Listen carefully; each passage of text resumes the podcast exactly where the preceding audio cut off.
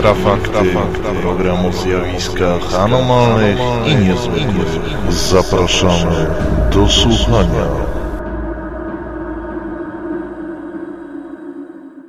Witam w Intrafaktach, programie cyklicznym o wydarzeniach niezwykłych i anomalnych. Mówi Michał Kuśnierz, razem ze mną jest Piotr Cielebiaś. Witaj Piotrze. Witam.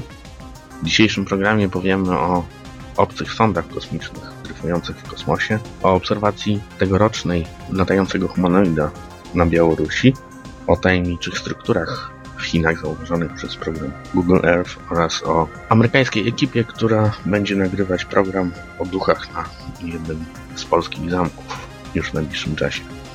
Według opinii amerykańskich naukowców w naszym najbliższym sąsiedztwie, w Układzie Słonecznym, mogą gdzieś w przestrzeni kosmicznej dryfować niezauważone przez nas obce sondy kosmiczne. Tak twierdzą dwaj amerykańscy naukowcy, z tym, że z drugiej strony od razu mówią o tym, że nie opłaca się ich szukać.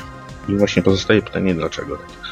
Jak powiedziałeś, panowie Hak Misra i Koprapu, którzy opublikują artykuł na ten temat w magazynie Acta Astronautica. Stwierdzili, że rzeczywiście w Układzie Słonecznym mogą znajdować się obce sondy niewielkich rozmiarów, których przez długi czas prawdopodobnie nie będziemy jeszcze mogli zlokalizować. I mogłoby się wydawać, że to jakieś ogromne odkrycie, ale tymczasem jest to taki troszeczkę komunał, bo wiadomo, że nie jesteśmy w stanie wykrywać tak małych obiektów. Ponadto panowie dodają również, że mogą one przybierać różne formy, to znaczy mogą nawet znajdować się na Ziemi i w jakiś sposób pozostawać dla nas niewykrywalne. O możliwościach istnienia takich sąd mówiono już wiele, może nie będziemy tego tutaj dzisiaj przytaczać. Przypomnę może taki ciekawy przypadek sprzed 20 lat, kiedy astronomowie odkryli coś, co uznano za potencjalną sondę pozaziemską. Był to tak zwany obiekt 1991 VG, tak się nazywał. Artykuł można znaleźć na naszej stronie. Co ciekawe,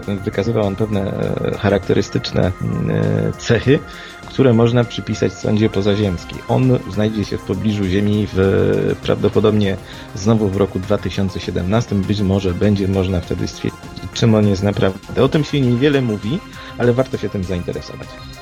Tak, zachęcam do zapoznania się z artykułem właśnie na ten temat. Znajduje się na naszej stronie.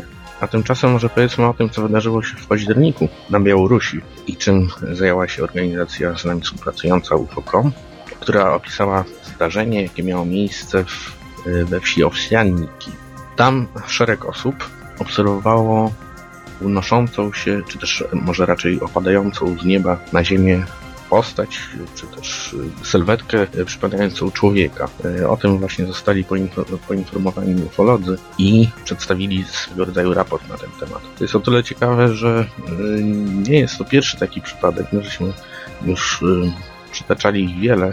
Wbrew temu, co powszechnie się sądzi, że takie postaci pojawiają się na przykład w Meksyku, bo jest szereg filmów je rzekomo dokumentujących. My mieliśmy do czynienia z takimi przypadkami też i w Polsce i też je dosyć szeroko opisywaliśmy. Ale co możemy powiedzieć o tym białoruskim przypadku? Z tego co wiemy, tamtejsi świadkowie po prostu zauważyli nad polem coś w rodzaju postaci ciemnej, która powoli opadała na ziemię, tak jakby lądowała. Oczywiście nikt tam nie podszedł, bo się wszyscy bali. Nie wiemy, co się tam naprawdę wydarzyło w tej wsi.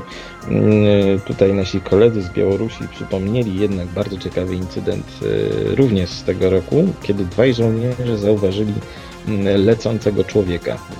Tak właśnie można najprościej opisać latające humanoidy, jako latające sylwetki, często nie posiadające widocznego systemu napędowego i tak naprawdę trudne do z, z jakiegoś sklasyfikowania, dlatego że bardzo często mamy do czynienia z przypadkami, kiedy te humanoidy są po prostu oddalone od, od ludzi i nie wiemy, czym naprawdę są. Czy to są ludzie z jakimiś tam urządzeniami dość rzadkimi do, do latania, czy to są może balony i tak dalej. Natomiast zdarzają się przypadki, takie jak my mieliśmy tutaj możliwość opisywać, na przykład z Koniewa, na przykład z Pieńska, czy z Bornego Sulinowa, gdzie te istoty były na tyle blisko, czasami zaledwie w odległości kilku metrów, że świadkowie mogli się im dokładnie przyjrzeć i stwierdzić, że nie byli to na pewno ludzie. Takim dobrym przykładem jest właśnie ta opowieść Pieńska, gdzie ta istota, która właściwie unosiła się nad ziemią, znajdowała się zaledwie kilka metrów od, od y, ludzi, którzy następnie udali się w pościg za tą istotą. Dlatego myślę, że zagadka latających humanoidów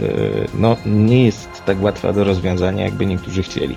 Tak, a ja chciałem tylko powiedzieć, że właśnie zapis relacji świadka z tych wydarzeń w Pieńsku, kiedy to obserwowano w 1969 roku, 1969 roku, właśnie taką latającą postać można znaleźć na naszym kanale YouTube. Zachęcam do obejrzenia. A teraz może parę słów powiedzmy o dziwnych strukturach, e, jakie z pomocą po raz kolejny programu Google Earth internauci e, zaobserwowali na terenie Chin. E, informacje o tym można znaleźć na naszym forum i też dyskusjach z tym związaną. Co to może być? Bo rzeczywiście wygląda to niezwykle.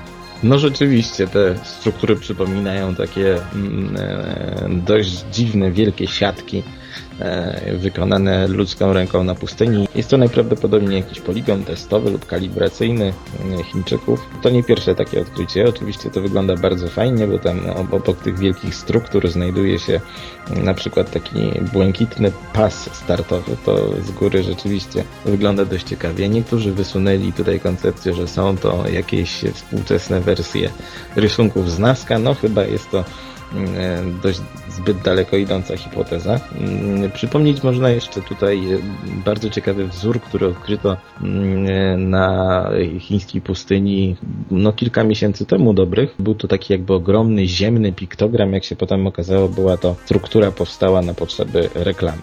Tak jest, a mm, jeszcze tutaj przypomnijmy, że być może jest to związane z bardzo aktywnie rozwijającym się chińskim programem kosmicznym to też jest możliwe, że w jakiś sposób jest powiązane między sobą.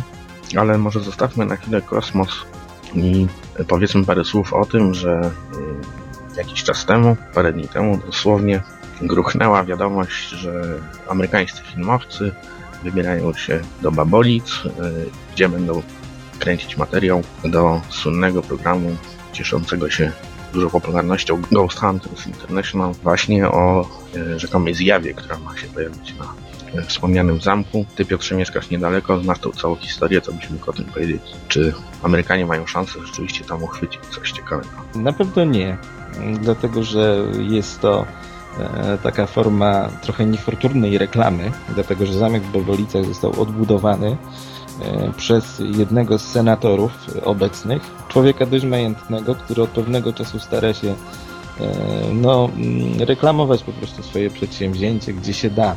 Ten zamek, e, chociaż został odrestaurowany, no przypomina taką troszeczkę szopkę i mm, być może wielu ludzi po prostu nie zwraca na niego należytej uwagi i trzeba po prostu przyciągnąć ich legendą o duchu. Natomiast jak długo tu mieszkam, to nigdy nie słyszałem, żeby ktoś tego ducha widział. No może nie mieszkam tak blisko, natomiast y, nigdy nie spotkałem się z historią, żeby ktoś w ogóle spotkał się z duchem na którymś e, z zamków Jury w ostatnich, nie wiem, kilkunastu latach. To wszystko są po prostu legendy.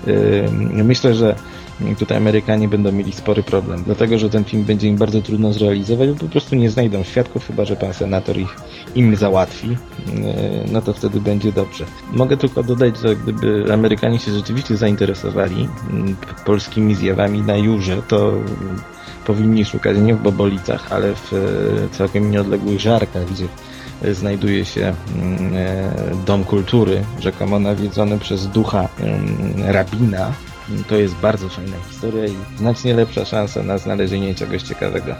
Tak, zobaczymy jakie będą efekty tego programu. E, jeśli już mówimy o nawiedzeniach, to niedługo też i na naszym kanale YouTube pojawi się bardzo interesująca historia nawiedzonego, czy też może raczej przeklętego pensjonatu na Mazurach. Zachęcam do zapoznania się tak samo jak i z naszym forum i naszym profilem na Facebooku, gdzie też prezentujemy najnowsze informacje. Kontakt do nas to infra małpa epoczta.pl. Dziękuję Piotrze za udział. Ja również dziękuję. I zachęcam do wysłuchania następnego wydania Infrafaktów. Mam nadzieję, że za tydzień. Dziękuję.